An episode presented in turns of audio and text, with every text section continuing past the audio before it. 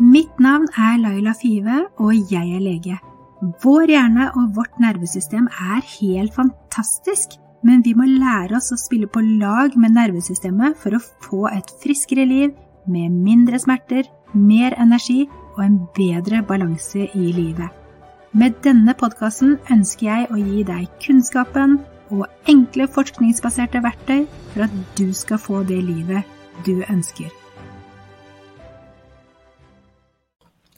Velkommen til dagens podkastepisode av Dr. Fives podkast. Og i dag har jeg med meg en spennende gjest, Pål Sandvid.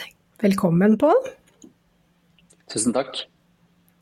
Ja, og jeg fikk jo eh, oppgitt ditt navn i forbindelse med at jeg var litt på utkikk etter noen som jobber med smerte, kronisk smerteproblematikk og du er jo både manuellterapeut og kognitiv terapeut, og har interessert deg for smerter og ja, behandling av pasienter med kroniske smertelidelser lenge.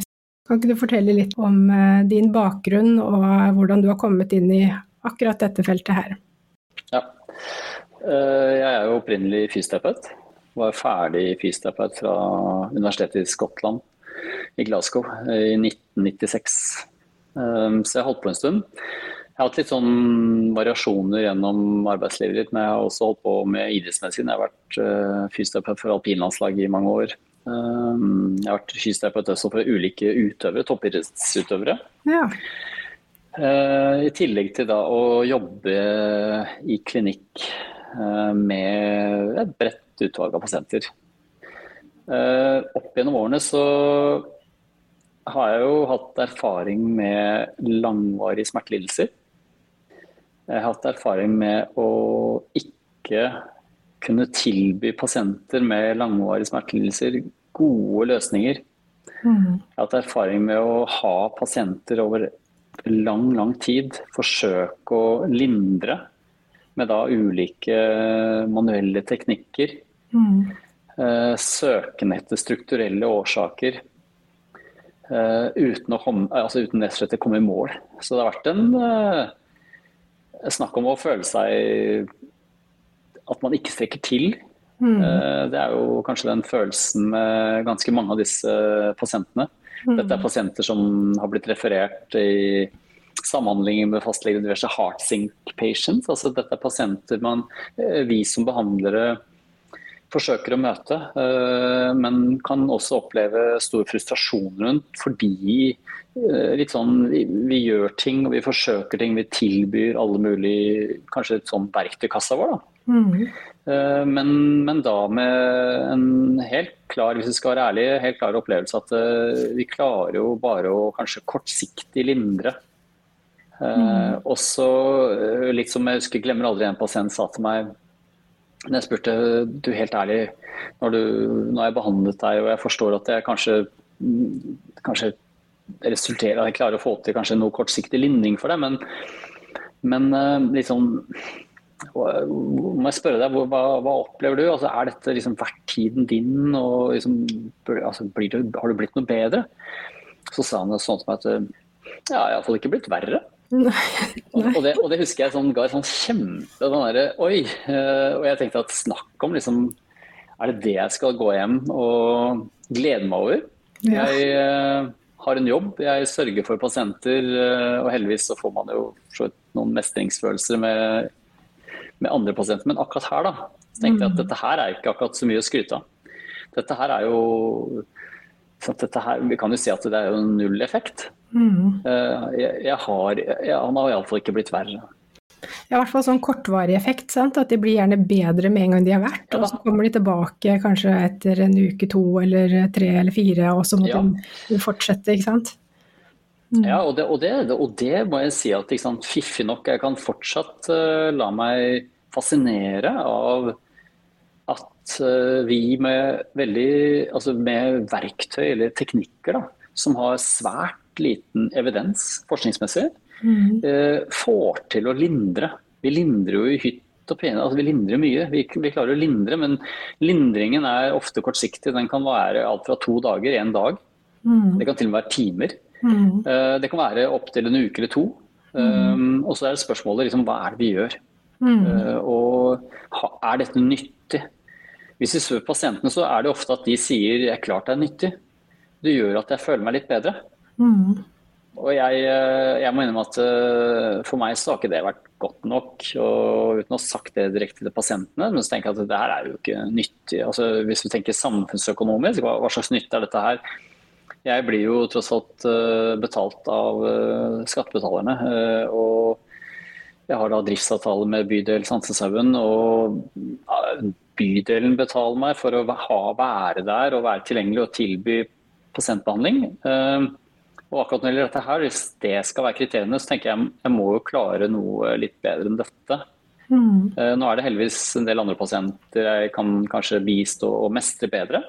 Men akkurat den gruppen her, med pasienter med langvarige smertelidelser, det skal jeg ærlig og redelig si at eh, fy søren, altså. Eh, jeg har slitt i mange år uten å få til nevneverdig lindring. Mm. Eh, og da nevneverdig god behandling.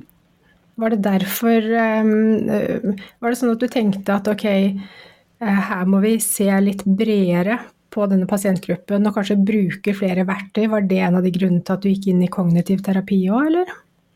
Ja, definitivt. Mm jeg følte um, Jeg følte at jeg um, Først så begynte jeg å lese, da. Jeg lese meg opp og så finne litteratur, forskning og diverse. Og så tenkte jeg kanskje kanskje kunstterapi er en metode, et verktøy, det òg, som kan gjøre at vi kan på sett og vis koble oss inn på andre årsaker til som er da jeg tenker smertedrivere. Mm. Eh, vi, andre vedlikeholdsfaktorer for smerte um, som kanskje ikke er så kjent med. Uh, som da stressrelaterte lidelser, eller stress, rett og slett. Um, mm. uh, vi tenker jo det er en stressreaksjon.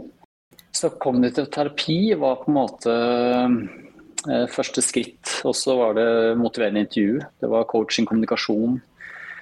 Eh, det ble også en eh, mastergrad i manuell terapi, som er på en måte en slags allmenn fysioterapi, medisinsk videreutdanning. Mm. Uh, og så var det å lese seg opp på bare fordype seg videre. Jeg begynner nå neste uke begynner jeg på en ny uh, videreutdanning innenfor kognitiv terapi. Det er jo Iallfall på Olympiatoppen så er det kognitiv terapi for idrettsutøvere. Ja, okay. Så det, måte, det, blir nesten bare en slags uh, Ja, det er begynt å bli noe, altså noen år siden jeg tok kognitiv terapiutdannelsen, som var over to år. Og føler litt sånn nytt påfyll. Så eh, da er det en, eh, en toårig videreutdanning som jeg begynner på nå neste uke. Spennende. Så jeg tenker vi vi må aldri stoppe. Vi, er, vi kommer aldri i mål. Vi, vi vet aldri nok. Eh, og det må vi hele tiden tenke. Vi må alltid undre oss over hva som skjer. Mm. Og vi eh, må undre oss om nye ting som skjer innen forskningen. Eh, men vi må også stille spørsmålstegn til oss selv. Da. Hva er det vi driver med? Og hvordan kan vi forsøke å kanskje møte iallfall disse pasientene bedre? Mm. Mm. Så viktig. Og det høres ut som du har hatt litt samme reise som jeg har hatt. Sant? Sittet som fastlege ja. i flere år og sitt stanget hodet i veggen så mye med akkurat denne pasientgruppen. Og kjent at jeg ikke er kommet noen sted, og hatt eh, Jo dårligere pasientene var, jo mindre hadde jeg å tilby. Um, og så tenkte jeg med meg selv at jeg trenger noe påfyll. Jeg, jeg, skjønner at det er noe sammenheng med belastninger og stress og sånne ting. Og så tenkte jeg at jeg får bare prøve å bli psykiater og fylle på med dette der. Og se om kanskje det kan fylle ut de sorte hullene som jeg har i den allmennmedisinske, som er mer medisinsk retta utdanning. Så vi har hatt uh, kanskje litt sånn uh, samme veien inn i akkurat dette her. Og det vi skal snakke om i dag, er jo eh, pain reprocessing therapy. Som både du og jeg har blitt veldig, veldig fan av. Um, ja, helt klart. For det har jo åpnet uh, helt nye dører uh, og gir effekt på en helt annen måte enn noe annet som jeg har vært borti før, i hvert fall. Er du ikke enig? Definitivt. Um, og da med tilhører forskning, i RCT, så tenker jeg det det hjelper godt. Det, det, er jo noe for oss å støtte oss til også, uh, rent faglig. Um, i motsetning til iallfall i min uh, bransje, da, altså, så tenker jeg hvor det er litt sånn stusslig vitenskapelig evidens, så syns jeg dette her var jo fantastisk. At det var støttet opp om med en RCT. Mm, mm. Og den RCT-en som du eh, sikter til, det er den Boulder Back Pain Study, sant? Ja. Um, ja. Som viste at uh, pain reprocessing therapy uh, hjalp uh, i løpet av fire uker hjalp 66% av kroniske ryggsmertepasienter med å bli nesten bra eller helt bra av sine ryggsmerter.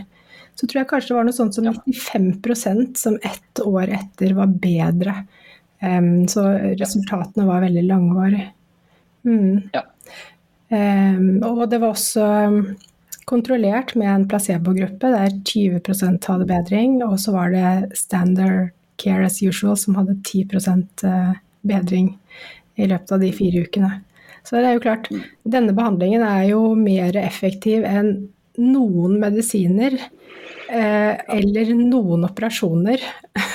som, at det finnes ikke, eh, det ikke resultater på høyde med dette her eh, så veldig mange steder innen medisin. Så det er helt fantastiske resultater, rett og slett. Ja, det er vel i, innenfor smerteverden eller smerteforskningen, så er jo dette det studiet så langt hvor man har klart å eller hvor man også har sett på kurasjon. Da. Kurasjon av smerte. Og det er jo på en måte ingen som har vært bold nok til å se på. Det har jo disse sett på, og har også vist at kurasjon er mulig. Mm. Med tanke på smertepasienter som har hatt smerte som, altså Vi trakk snakker vel også 10-15-20 år med mm. langvarige smertelidelser. Jeg tror gjennomsnittlig så hadde de hatt elleve år eller noe med, med kronisk ja. ryggsmerte, de som var med i studien. Mm. Mm. Så, det... så helt klart, her er det noe som Til tross for at det er mange flinke der ute, eh, det vet vi med Lorimer Mosley som Explain Pain, men han, altså det, man har jo forstått at eh, her er det kjempemange dyktige og kunnskapsrike og gode forskere. Mm. Men eh, så dukker dette her opp, da, plutselig. Eh, jeg kjenner litt til Howard Schubiner, eh, som har jo holdt på litt før PRT ble etablert, og han har jo vært med på etableringen. Mm. Men, men, likevel så kommer jo dette her plutselig litt sånn ut av, ut av det blå, da. Til tross for disse tunge, flinke smerteforskerne vi har rundt omkring i Australia og USA og Storbritannia. Eh, som da vi plutselig klarer å vise dette. Og jeg må jo også jeg blir litt forundret over at det virker som dette har gått litt under radaren her og der. Det er ikke Det har jo ikke skjedd noe paradigmeskifte, egentlig, kanskje, med dette. Og jeg kan for så vidt forstå det. Det tar jo ofte lang tid før det skjer. Så, men jeg føler at vi er ansvarlig, vi som eh, har pasienter med langvarige smertelidelser, å vite om dette. Og vi er ansvarlig, syns jeg iallfall, at vi, vi må forsøke å teste ut dette. Vi må sette oss inn i det, og vi må prøve dette her. Mm. Det tenker jeg er helt avgjørende. For dette er eneste den metoden som har hatt en slik funksjon eh, og så stor effekt mm. så langt. Mm. mm. Og da syns jeg også at det er litt uh, utrolig spennende at du skal inn i et forskningsprosjekt nå Um, hvor man skal prøve å det, Har jeg forstått det riktig at dere skal prøve å gjenskape The Boulder Back Study og prøve å se at dere får de samme resultatene på en måte en gang til? Ja, vi skal prøve å replisere studiet.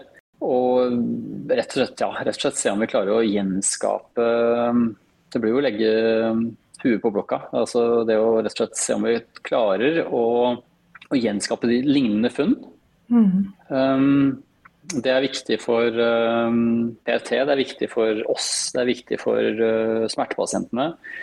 Uh, og det er viktig for videre forskning. Altså, vi tenker jo dette er jo første replisering, og så blir det jo sikkert uh, flere som gjør dette um, et annet sted i verden over, vil jeg tro. Men, men, det er på en måte um, det via Mind Body Lab på Universitetet i Oslo. Så skal vi da prøve å få til etter hvert med finansiering og alt, og så blir det å sette i gang med dette her. Mm. Hvor vi skal da gjennomføre dette på langvarige smertelidelser. Og vi skal det blir diskusjon, og det skal vi gjøre for så vidt med den gruppa i Boulder Back Boulder Backpain-studien. Altså I forhold til om vi tenker også tilsvarende, vi også tenker korsryggsmerter. Mm. Så vi selekterer langvarige korsryggsmerter. Eh, til tross for at her er det jo Vi tenker jo det samme om langvarige smerter i uansett kroppsdel. Mm. Men uh, for å på en måte replisere så må vi nå forholde oss til Så vi skal fokusere også på det. Langvarige kortskyggsmerter er tanken. Mm. Det blir jo spennende. Vi trenger absolutt mer forskning på dette her. Ja, så vi kan få dette her integrert i måten vi behandler pasienter på i dag. Sant? For det ja, jeg tror vi kan gjøre stor forskjell. Jeg tror det kan være en uh, mulighet for å få dette litt kjent. Uh, mm. Til tross for at jeg vet at mange i Norge er kjent med dette her. Og jeg er sikker på at, uh, litt som oss da, jeg er sikker på at mange i Norge rundt omkring holder på med lignende intervensjon. Jeg tror på en måte at i den sammenheng at det er ingen av oss som er helt sånn unike i forhold til hva vi driver med. Men at det, det er kjempemange flinke, flinke klinikere der ute. Men, men, samtidig så er det noe med å litt sånn formelt eh, få gjennomført et slikt studie. Formelt eh, forhåpentligvis replisere også disse funnene. Mm. Eller iallfall lignende funn. En indikasjon på at dette her har eh, en plass som metode i vårt fag. Mm. Og da tenker jeg faktisk, som jeg også prater med deg altså, tverrfaglig metode. Det kan jeg synes er litt uh, kult. At det er en metode som kan da benyttes av flere måte, kompetansegrupper, altså være seg psykiater, lege, altså fysioterapeuter, manuellterapeuter, kiropraktorer, psykologer ikke minst. Uh, her, er det, her er det på en måte behov for alle sammen. Mm. Uh, og jeg tror også at uh, kanskje dette kan også være en, en, metode som kan gjøre at vi kan snakke litt sammen. Det er jeg også litt nysgjerrig på. At det kan åpne opp for en bedre samhandling. Mm. Uh, med en slags felles faglig plattform. og et felles blikk på hva er langvarig smertelidelse, hva er fysiologien bak, og hvilke, hvorfor, hvorfor hjelper disse metodene. så det det har jeg virkelig, det er jeg håpefull for. Så jeg kan håpe på et paradigmeskifte mm. innenfor behandling av smert, langvarige smertelidelser. Mm. Eh, men eh, kanskje du kan forklare litt eh, for de som hører på hva pain reprocessing therapy er? Altså hva, ja, hva er egentlig langvarige kroniske smerter, og hva er den formen for terapi?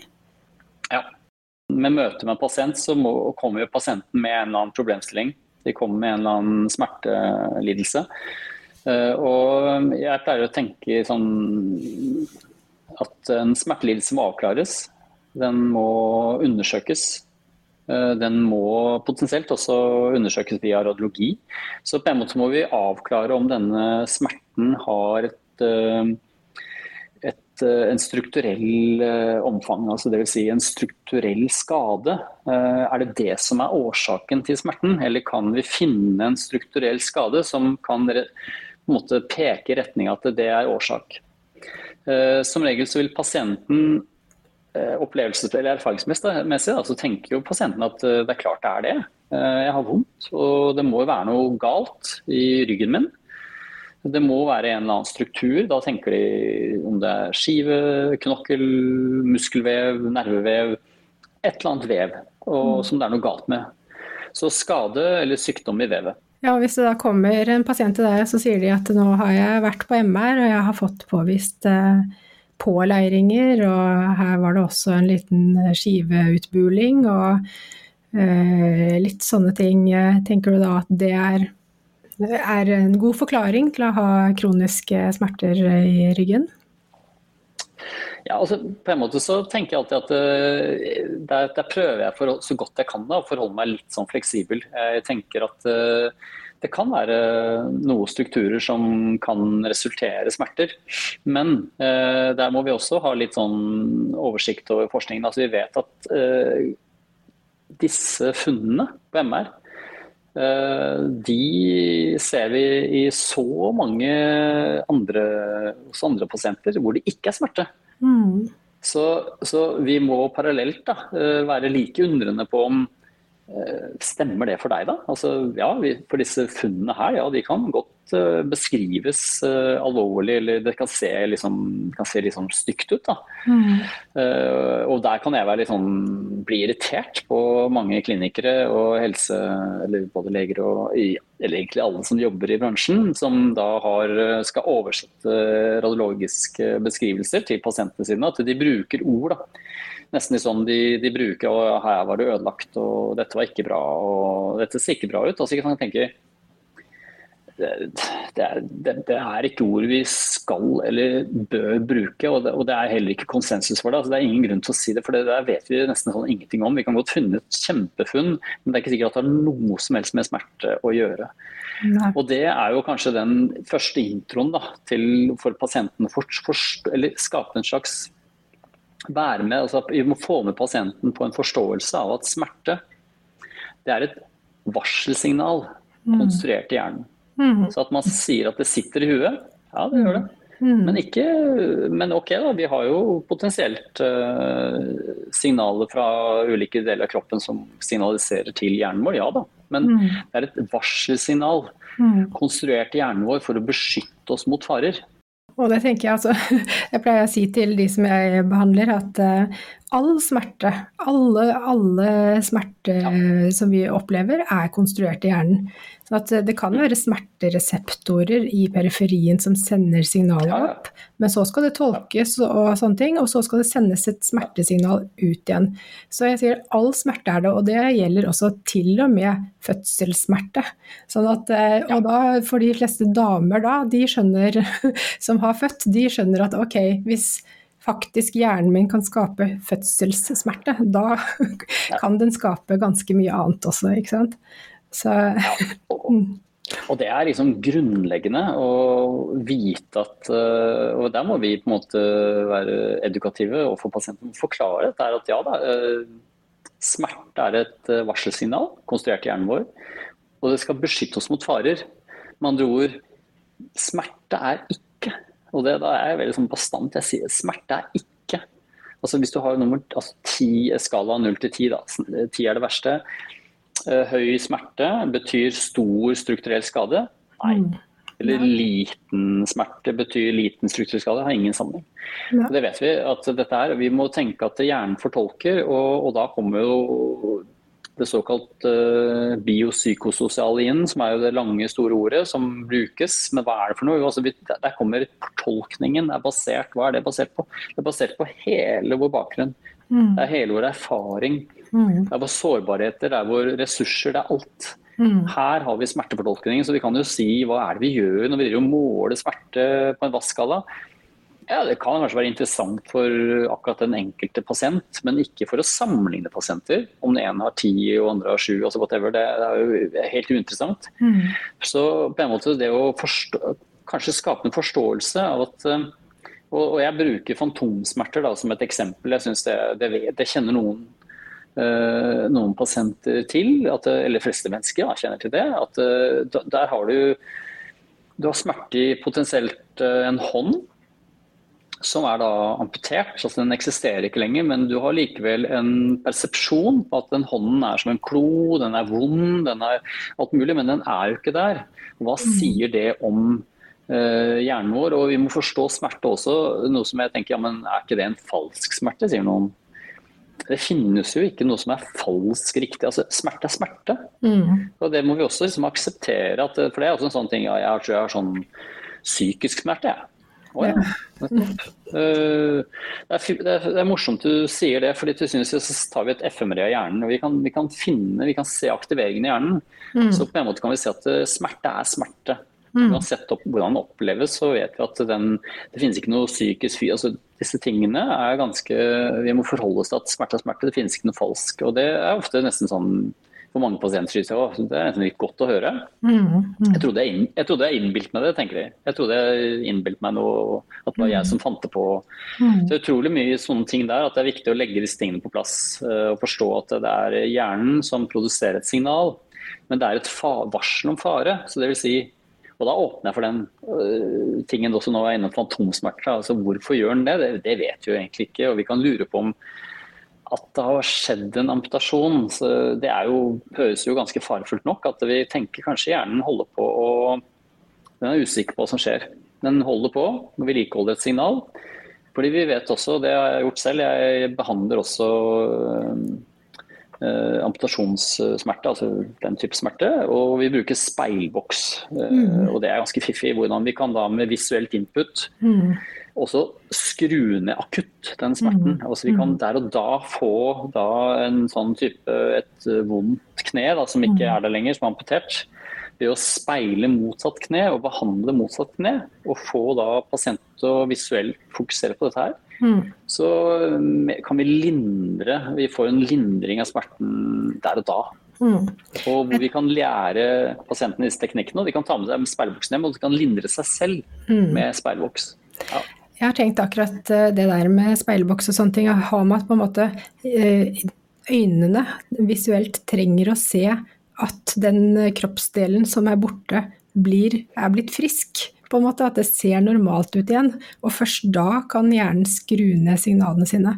Så når hjernen ja. i denne speilboksen tror at den ser det amputerte lemmet som eh, friskt, så skrur hjernen av smertesignaler. Og det er jo helt, eh, helt fantastisk.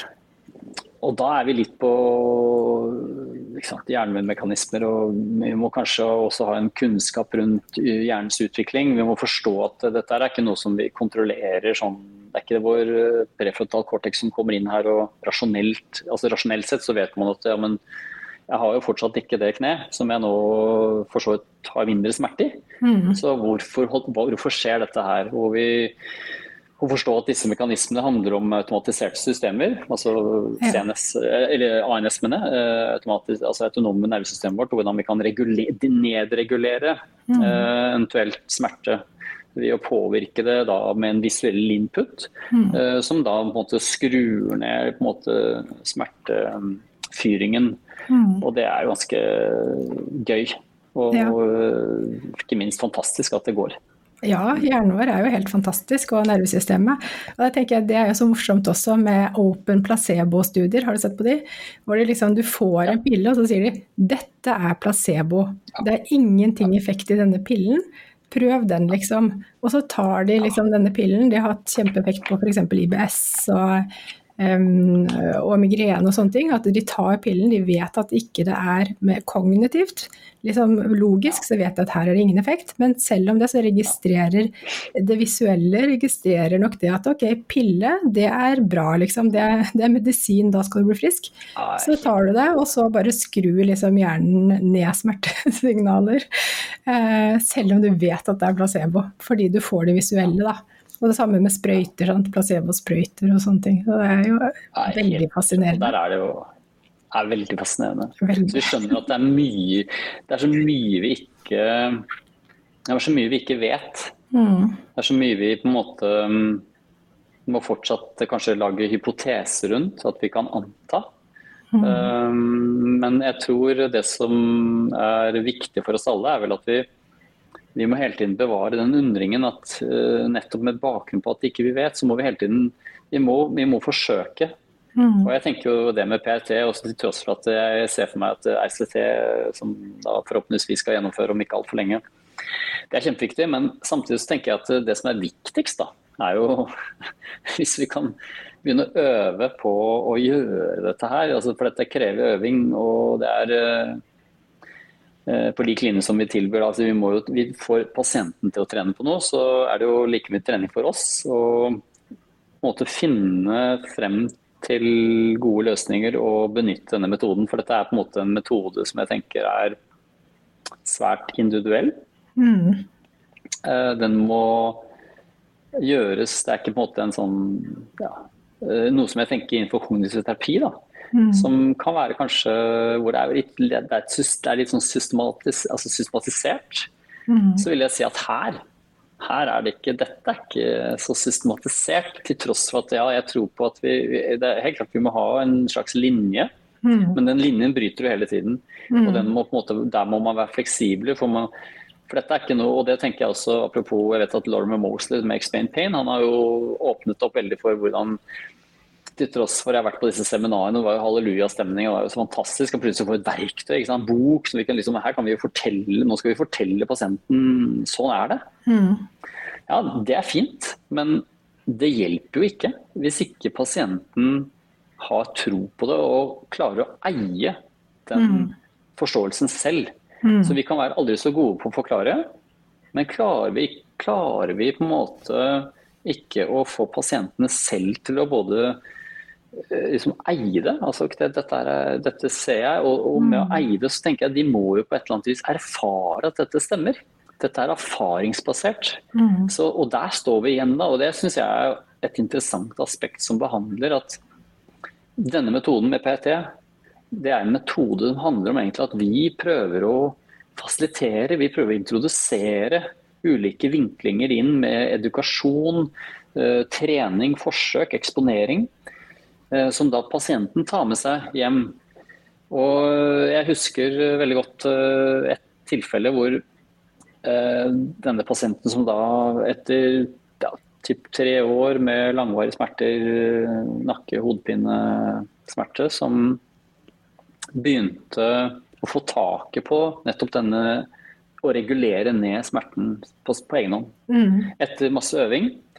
Hvordan hun tok da dette verktøyet, hvor jeg, liksom, jeg satt liksom igjen litt sånn ja, Never mind me, liksom. Jeg prøvde å fasilitere, men hun tok det, og hun dro av gårde med det og kom kjapt tilbake altså sånn etter en periode. Hun, jeg glemmer aldri hvor hun sa at nå, nå, skal vi avslutte denne behandlingen, for nå, er, nå har jeg teken på dette her, så dette går så bra. Mm. Og på et eller annet vis så var det noe der som, som, vanligvis hvor vi kan nesten stå der og klappe oss litt på skulderen. Dette er godt gjort. Mm. Nå, og, og, kanskje vi venter en slags heder og ære fra pasienten at nå, du har løst du verden, du har bistått, du har løst problemet mitt. Den var ikke der. Fordi, og det fine med det tenker jeg er at hun, hun tok dette og gjorde det til sitt verktøy. Og ok, jeg, jeg, hadde noen forslag da, om mm. hva, hvordan og hva, men, men, hvordan hun tok det til sitt verktøy, gjorde det på sin måte og fant sin løsning mm. til sine ting og regulerte denne smerten. Og det fine med det er at det, da, da, blir det, det er en autonomi i det, er, det er, en selvstendighet. altså Pasientene eier metoden. Mm. Og det syns jeg det fascinerte meg. altså Det der er jo eh, nesten sånn noe som vi skal ønske for alle pasientene våre. Mm. Kan vi tilby dem noe som de, de, nesten de tar eierskapet til det? Så tar de det med seg videre, og de eier det. Så kan de mm. godt kanskje komme tilbake noen ganger men, og spørre om litt råd og vink, men til syvende og har liksom sin type metode. Og det tenker jeg PRT er eh, et ekstremt flott og viktig verktøy for å gjøre. Mm. Mm, absolutt. Jeg bruker jo mye av PRT i det kurset som jeg har laget. Og, og ja. der også ser jeg jo det så fint at det, dette her er på en måte personen som helbreder seg selv. Jeg kan komme med råd, og jeg kan komme med forslag, og jeg kan komme med liksom, eh, verktøyene, da, liksom servere dem. Men hvis ikke de tar det i bruk, og liksom skjønne hvordan de skal mestre de verktøyene, så får ikke jeg gjort noe mer. Altså jeg kan prøve selvfølgelig å Nei. introdusere det på den best mulige måte, sånn at liksom, de forstår hvordan de skal bruke det. Da. Men uh, til syvende og sist så er det ikke, det er ikke liksom jeg som har fiksa det med en medisin eller med en kirurgisk prosedyre. Det er liksom de som har uh, gjort jobben. Og jeg kjenner at jeg blir, jeg blir ikke sånn stolt av meg selv for at jeg er så god, men jeg blir så utrolig stolt over å se hva slags jobb folk gjør, da. Av hvor fantastiske ja. ting de klarer å gjøre og bi, liksom klarer å få til på egen hånd. Da jeg blir så, liksom, så rørt og så stolt av dem, liksom. Bare herreland, har du klart alt dette her? Det der å få lov til å være med på en del av det der, det er bare helt sånn Ja, det er hårreisende. Ja, og det ja, og det må jeg innrømme at eh, jeg også tenkte parallelt. da, At det, det var en ny opplevelse for meg også som, i en sånn, som terapeut. Mm. Men da også jeg følte at det å få lov til å være med på sidelinjen og få høre om hvordan denne personen tok det, hvordan, de, altså hvordan hun øh, gjorde det til sitt, og hvordan hun praktiserte det, hvordan hun la merke til ting. Mm. Det var jo utrolig berikende. og og til tross for at uh, litt som sier, du, du, får ikke den 'tusen takk for at du helbredet meg', uh, Og det er bra at du ikke får det. uh, det skal vi ikke ha heller. Men, men, men, til syvende tenker jeg at det, hvis jeg klarer å gjøre det der med Jeg tenkte akkurat det var ferdig, liksom, når hun da sa at nå, nå, det, nå, klarer jeg meg fint selv. Tenkte jeg altså Hvis jeg får lov til å oppleve det der altså x antall ganger, så tenker jeg at dette her dette er så betydningsfullt for min jobb og hvordan jeg føler jeg klarer omsider kan bistå noen. Og det, for å si det sånn, Jeg har jo hatt andre pasienter med ulike skader og problematikker som man har kunnet bistå, men for meg så har dette vært min, min største og fineste sånn, terapeutiske opplevelse, hvis man kan kalle noe det. Eh, mm. Så syns jeg det var utrolig både lærerikt og det ga en helt spesiell opplevelse. Mm. Uh, og at man følte at man her var, her var man plutselig inne på noe. Det er noe likeverdig med det. det er mm. autonomi, det er mange ting her som, som, gjør det også for oss. Jeg tenker det er, det er behagelig, for vi, vi, blir sittende litt sånn tilbake. Vi kan sette oss litt tilbake. Vi skal ikke holde på liksom med noe krav. Vi skal tvert imot. Vi skal nesten være litt sånn halvskeptiske til at dette går greit. Og, mm. og da tenker jeg nesten som en mindful approach. Da. Vi skal være litt uh, non-attached outcome. Vi skal være mm. Ja, ja, vi kan jo teste ut dette, blir med og prøver. Og så lar vi de på en måte, vi står litt på sidelinjen og foreslår ja, hva med det? Eh, kanskje det er noe vi kan stå der når de forteller, så kan vi bli, kanskje fokusere på nysgjerrig. Ja, det er interessant, er det ikke det? Hvor de etter hvert finner på at ja, det er søren meg interessant. At der, når jeg gjorde sånn og sånn, så gikk smerten ned. Ja, det er søren meg interessant. Hvorfor kan det skje? Og så forklare disse tingene. Det, er en helt annen Jeg tenker det slo meg liksom, istedenfor at når jeg da, hvor ofte jeg kan få en pasient, og så kommer den, og så kan jeg ta over. Mm. Jeg kan ta over uh, liksom pasientens både problemstilling og rolle og alt. og liksom, Hvor jeg kan liksom sånn begynne å nesten gi dem beskjed hva de skal gjøre. Liksom, hvor de egentlig mis, også mister den, det eierskapet. du har jeg tatt mm. over. Så må du komme tilbake til meg da, for å få kanskje nesten sånn råd, veiledning.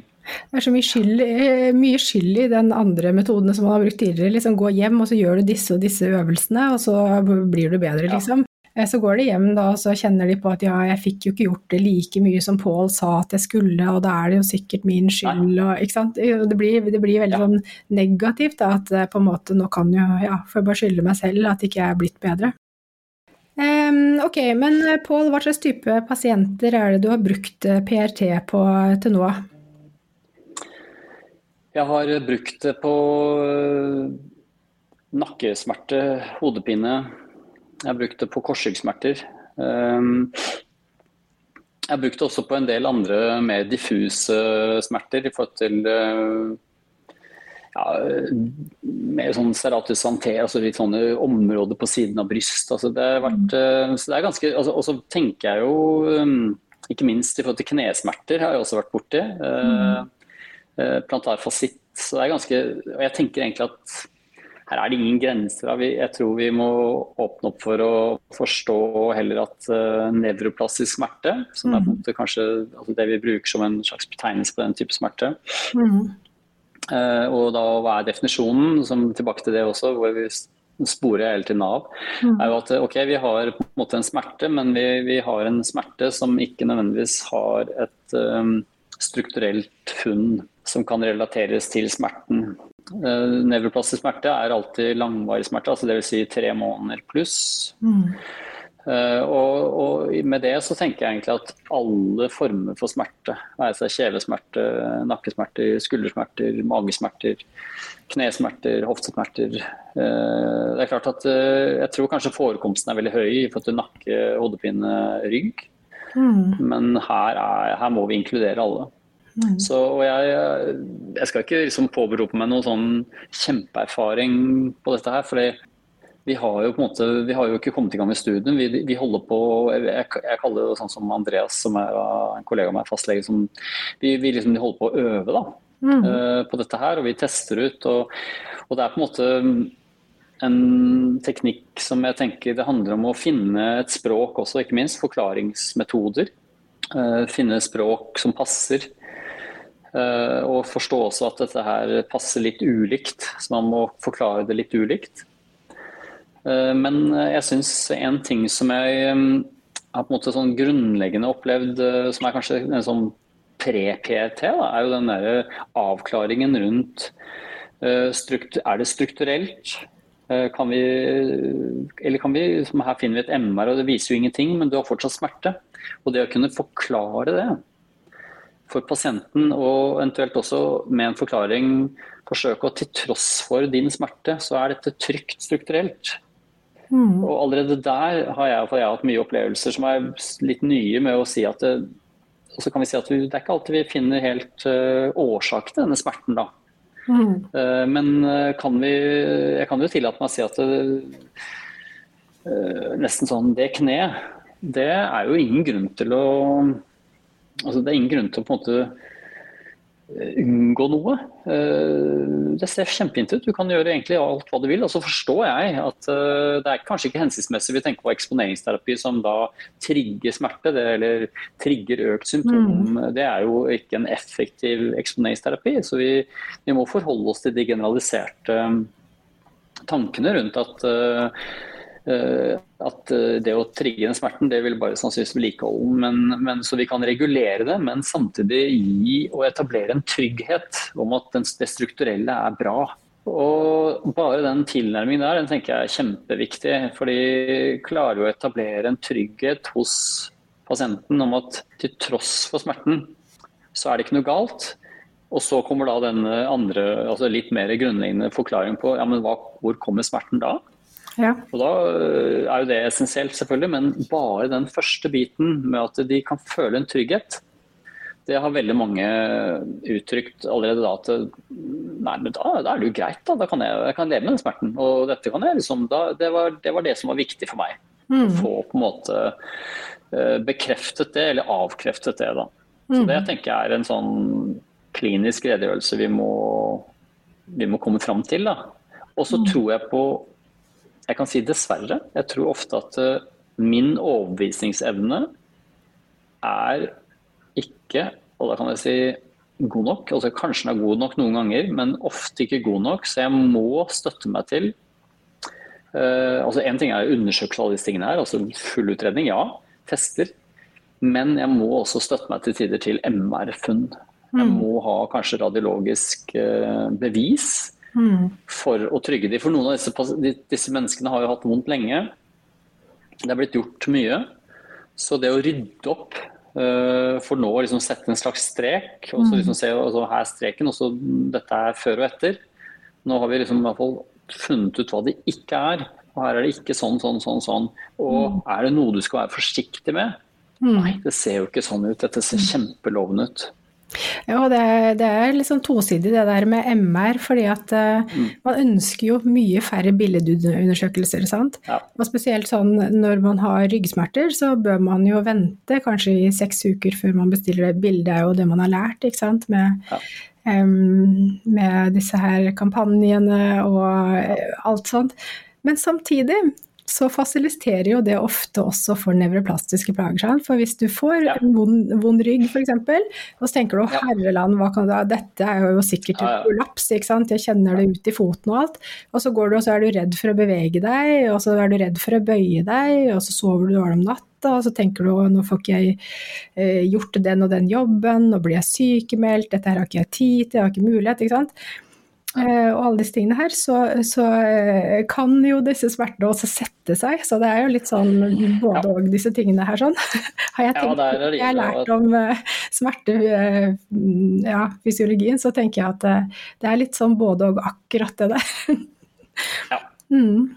Det er jo Der må tunga, tunga rett i munnen, hvordan vi presenterer. Mm. Og vi må være Det kan ikke liksom bare når vi finner ting også, så må vi på en måte være oppriktige på det, selvfølgelig. Mm. Um, men det å Jeg tror ofte uh, Når jeg begynner å fortelle om For disse, de blir jo ja, heldigvis nysgjerrige uh, mm. på Men uh, nå har jeg OK, da, så forstår jeg at at den ryggen min den, den har ikke nødvendigvis noe funn, det er ingenting galt der. Hvorfor har jeg vondt da? Mm.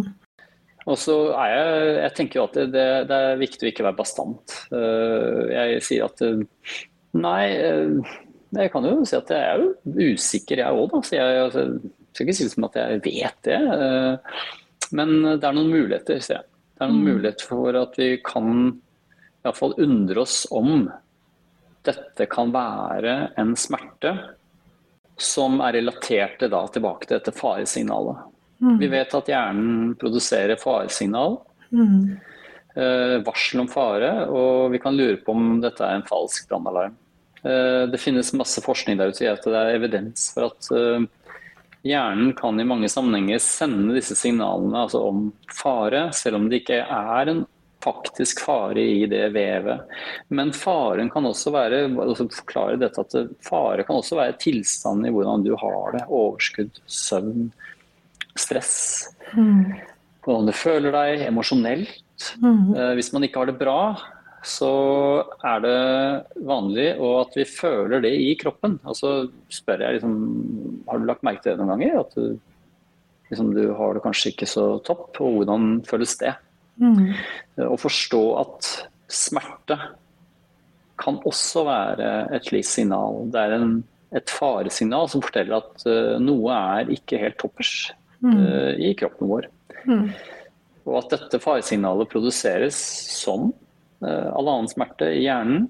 Det sendes, og, og det fiffige er at det kan oppstå uh, i disse ulike områdene. Det oppstå i korsrygg, mm. skulder, alle, altså egentlig hele kroppen. Mm.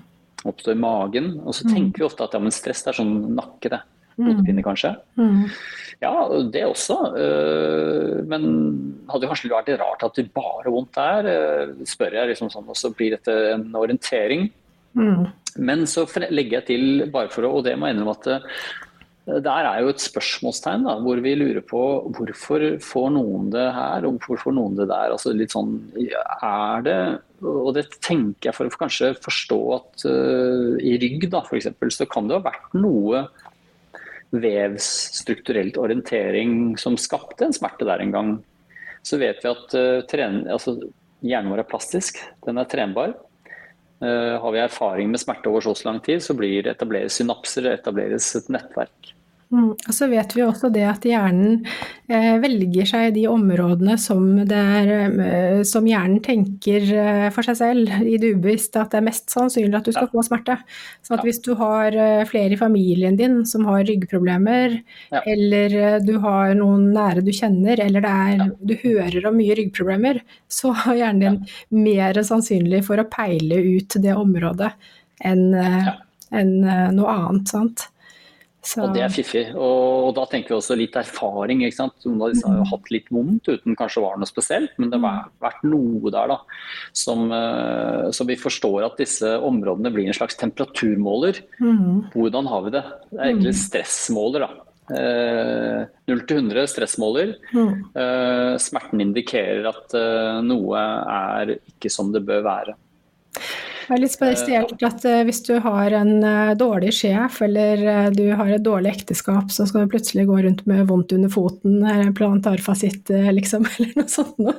Jeg skjønner ja. at det er litt sånn fjernt for folk, men, men det, sånn ja. kan det faktisk henge sammen. Um, det kan det, mm. absolutt. Og, og, det gøye er jo da å introdusere det til en, en, en tentativ et forslag til årsak. da.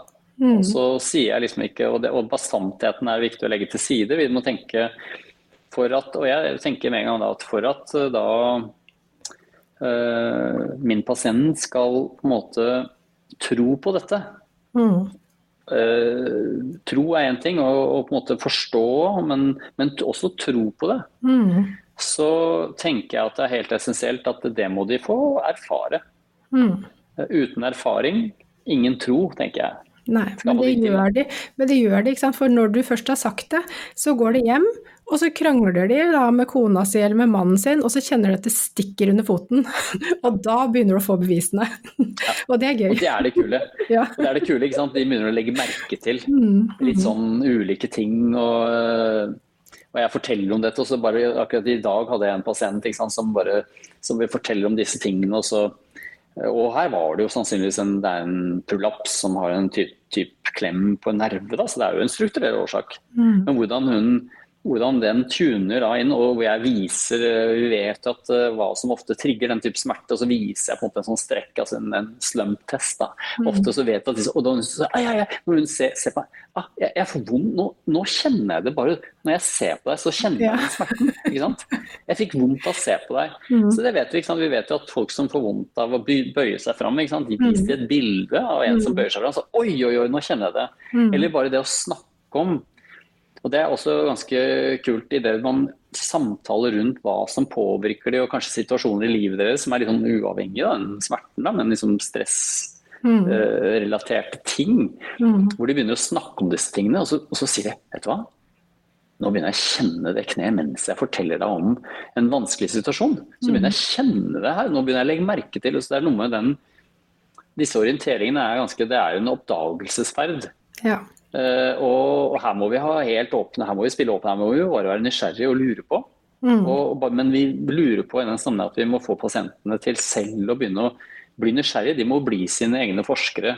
Mm. Må, vi må gi dem et slags forskningsprosjekt mm. uh, som virker interessant, og som de kan liksom begynne å, å, teste ut for seg selv. Mm. Ta med seg hjem. som sier, Jeg pleier å gi dem noen, uh, noen oppgaver. og jeg er veldig opptatt av ting som hva trigger denne smerten? Er det noe, som, noe du legger merke til i løpet av ja, dagen hvor liksom smerten er verre? Uh, og ikke minst liksom, er det noen, som, noen, situasjoner hvor smerten ikke er der. Og, så, og allerede da begynner jeg å jeg på Har du lagt merke til noe sånt? Jeg husker jo en som fortalte at um, hver gang hun så på på sånne, altså disse litt koreanske pantominefilmene, som var helt smertefri. Det var det, eneste, det var det eneste, hun la merke til. Hun husker, hun, når jeg spurte, hun sa at vet hva, det, når du sier det, så kommer jeg på én ting. Og hun sa at det var kun da hun var smertefri. Mm. Så det er klart at, og, og, så, og, da har vi plutselig en mulighet til å kunne kanskje forklare litt, tenker jeg. Altså, mm. altså, for da, da, da, er de nysgjerrige, da har de noe. Og så mm. stemmer jo ikke Hvorfor i all verden er jeg smertefri med den skulder-nakkesmerten når jeg ser på en type tegnefilm. Mm. Det doesn't make sense. Nei, hvis det er strukturelt. Hvis det er strukturelt. Mm. Mm.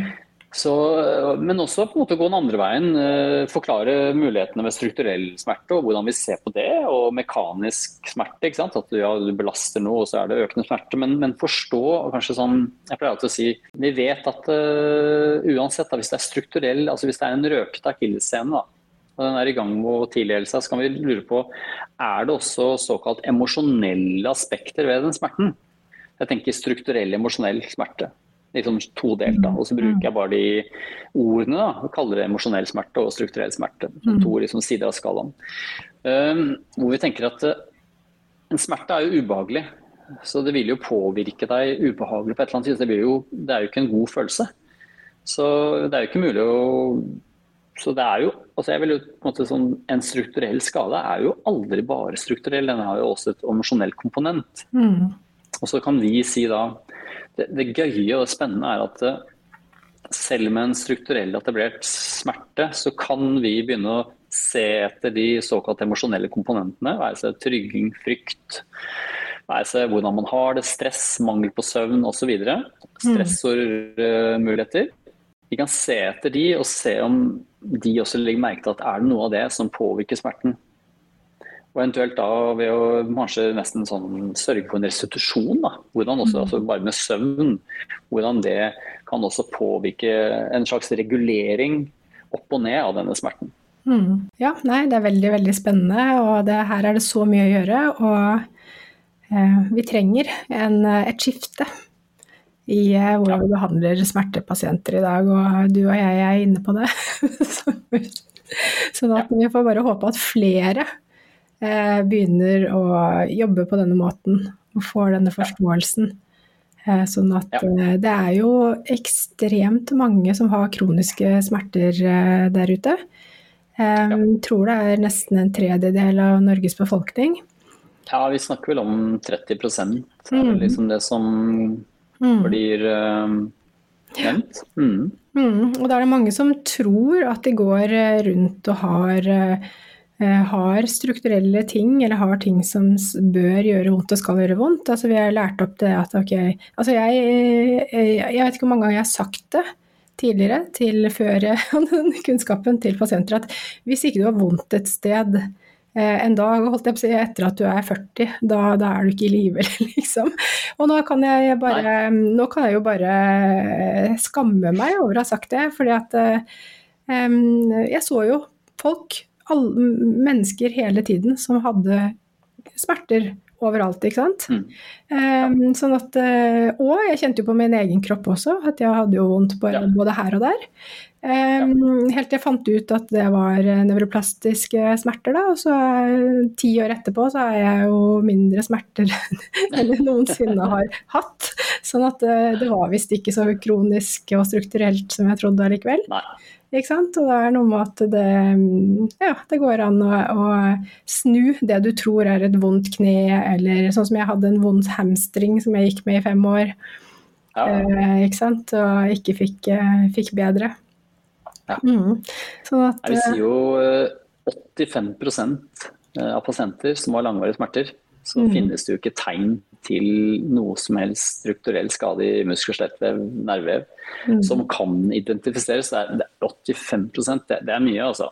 Mm. Så, og så vet vi at vi skal ikke liksom si at alle har nevroplastisk smerte av de, men vi vet at det, det er en stor stor gruppe, og at det er nå egentlig kanskje Jeg vil tenke gradvis så blir det krav, da.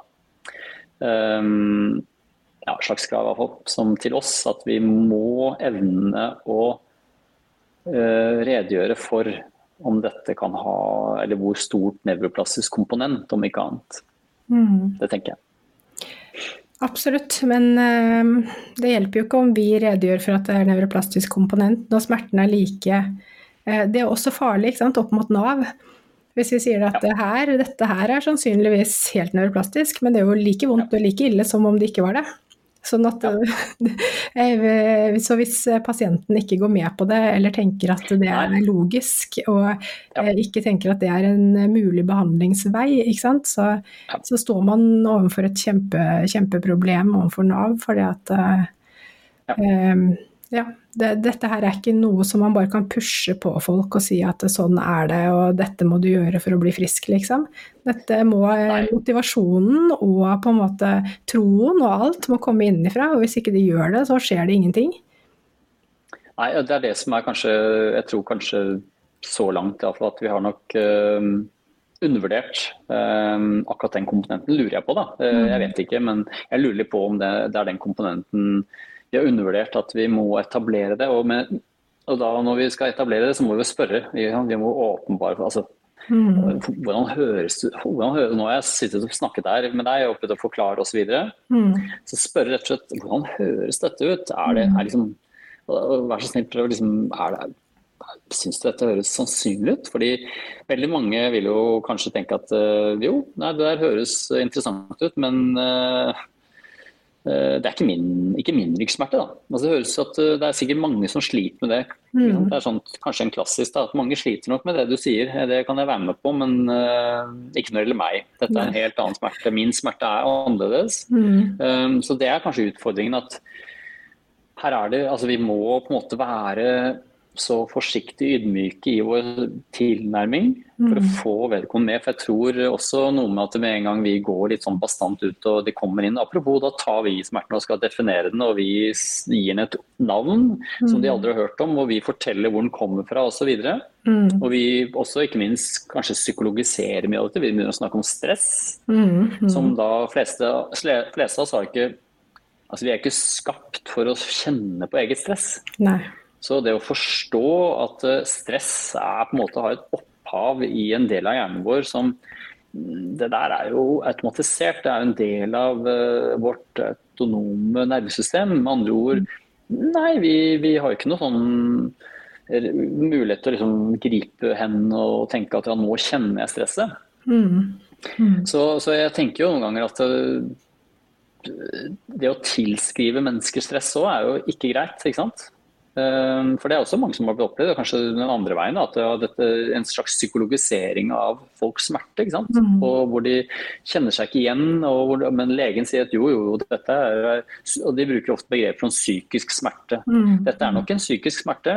Mm. Og så spør de ikke pasienten hva de tenker, de, sier, de definerer det for pasienten. Det er psykisk passiv. Jeg foreslår at du oppsøker en psykolog. Jeg. ja. dag, som, eh, som, akkurat la det fram. Mm, mm. Uh, så var det egentlig tårer da, og følte seg veldig lite møtt. Hun, mm. Men hun dro, og denne personen hun dro faktisk til psykolog også. Hun. Uh, og hadde jo mange sessions, og til slutt så var psykologen da avklarte at det klarte ikke å finne noen koblinger på dette her. Det måtte psykologen også innrømme. Mm. Så hun kommer tilbake og lurer på hva er det da. Så tenker jeg det er utrolig dårlig behandlet. Um, Samtidig, ja, jeg tror det har noe med hvordan, hvordan man forklarer det. At det må, må, må man være, bli god på å forklare det på en ordentlig måte. Ja. Og så må man også, tror jeg, treffe på riktig tidspunkt. timing is everything. Ja, jeg tenker også det. Timing is mm. everything. Og det tror jeg, der må vi kanskje tillate oss Noen ganger kan dette gå fort. Mm. Altså Apropos studie, altså fire uker er jo ikke lenge. Og det er åtte intervensjoner, ikke sant? det er mm. superfort. Mm. Eh, noen ganger så kan dette ta et år. Eh, mm. Altså, vi må være, der må vi tenke Disse tidsrammene er nok mm. definitivt iallfall foreløpig noe vi må være litt ydmyke rundt.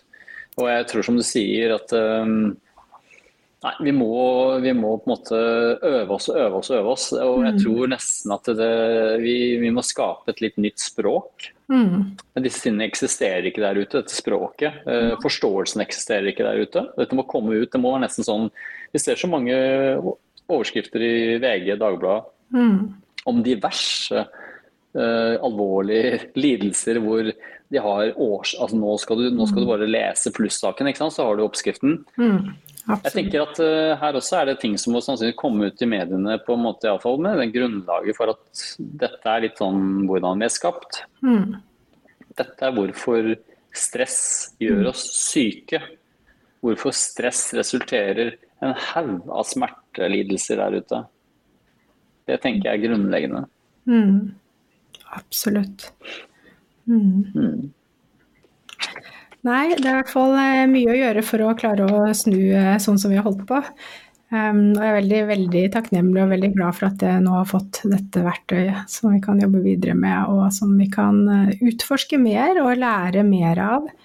Uh, man har jo sett etter hvert òg at dette var jo metoder utviklet på smerter.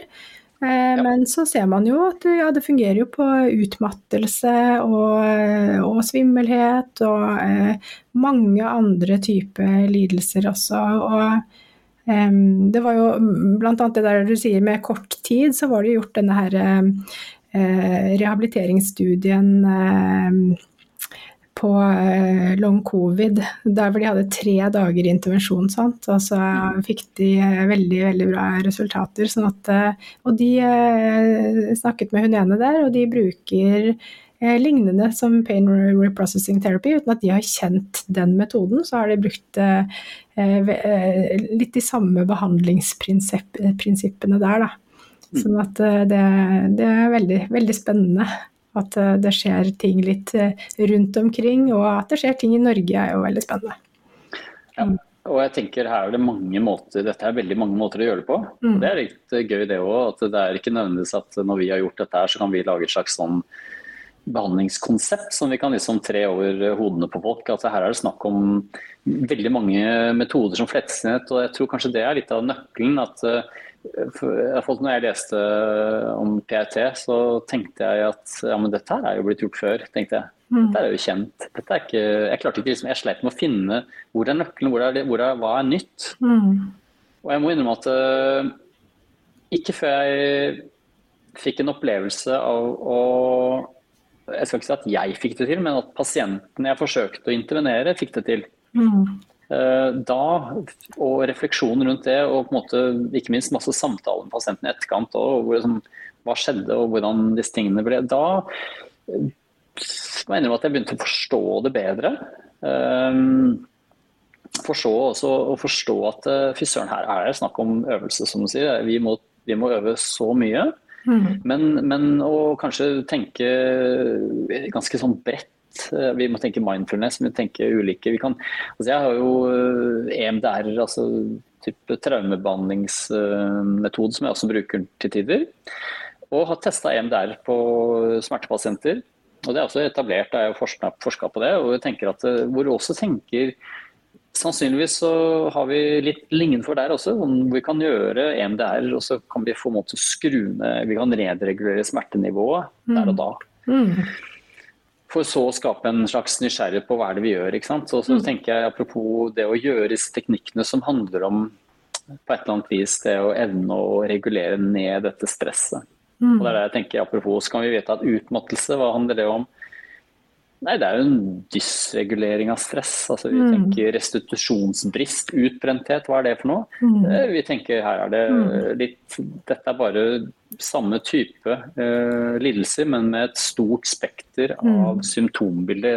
Uh, altså avhengig av et, hvor stort symptomtrykk er det. Mm.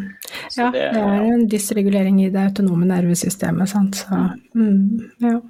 Men du Pål, nå eh, kunne vi sikkert ja. fortsatt å snakke i evigheter, men eh, jeg tror vi, vi får ta det en, for lytterne sin del. vi kan ta en section 2 en gang, ja. Det hadde vært fint å høre hvordan det går når det kommer i gang med studien og sånne ting også.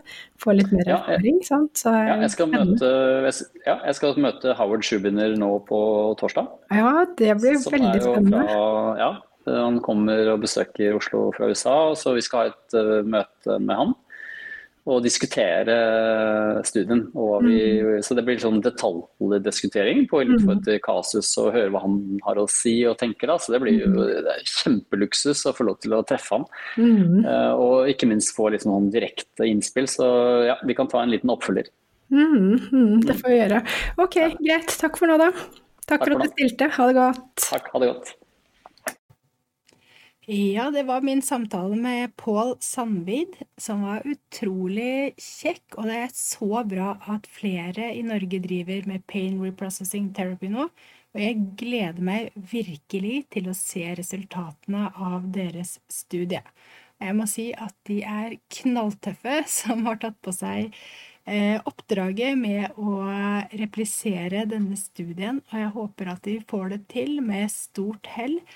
Og det blir spennende å eventuelt få Pål tilbake, og han kan fortelle om denne studien på et senere tidspunkt. Da håper jeg dere har hatt uh, en fin opplevelse med denne podkasten, og vi ses igjen om to uker. Ha det godt.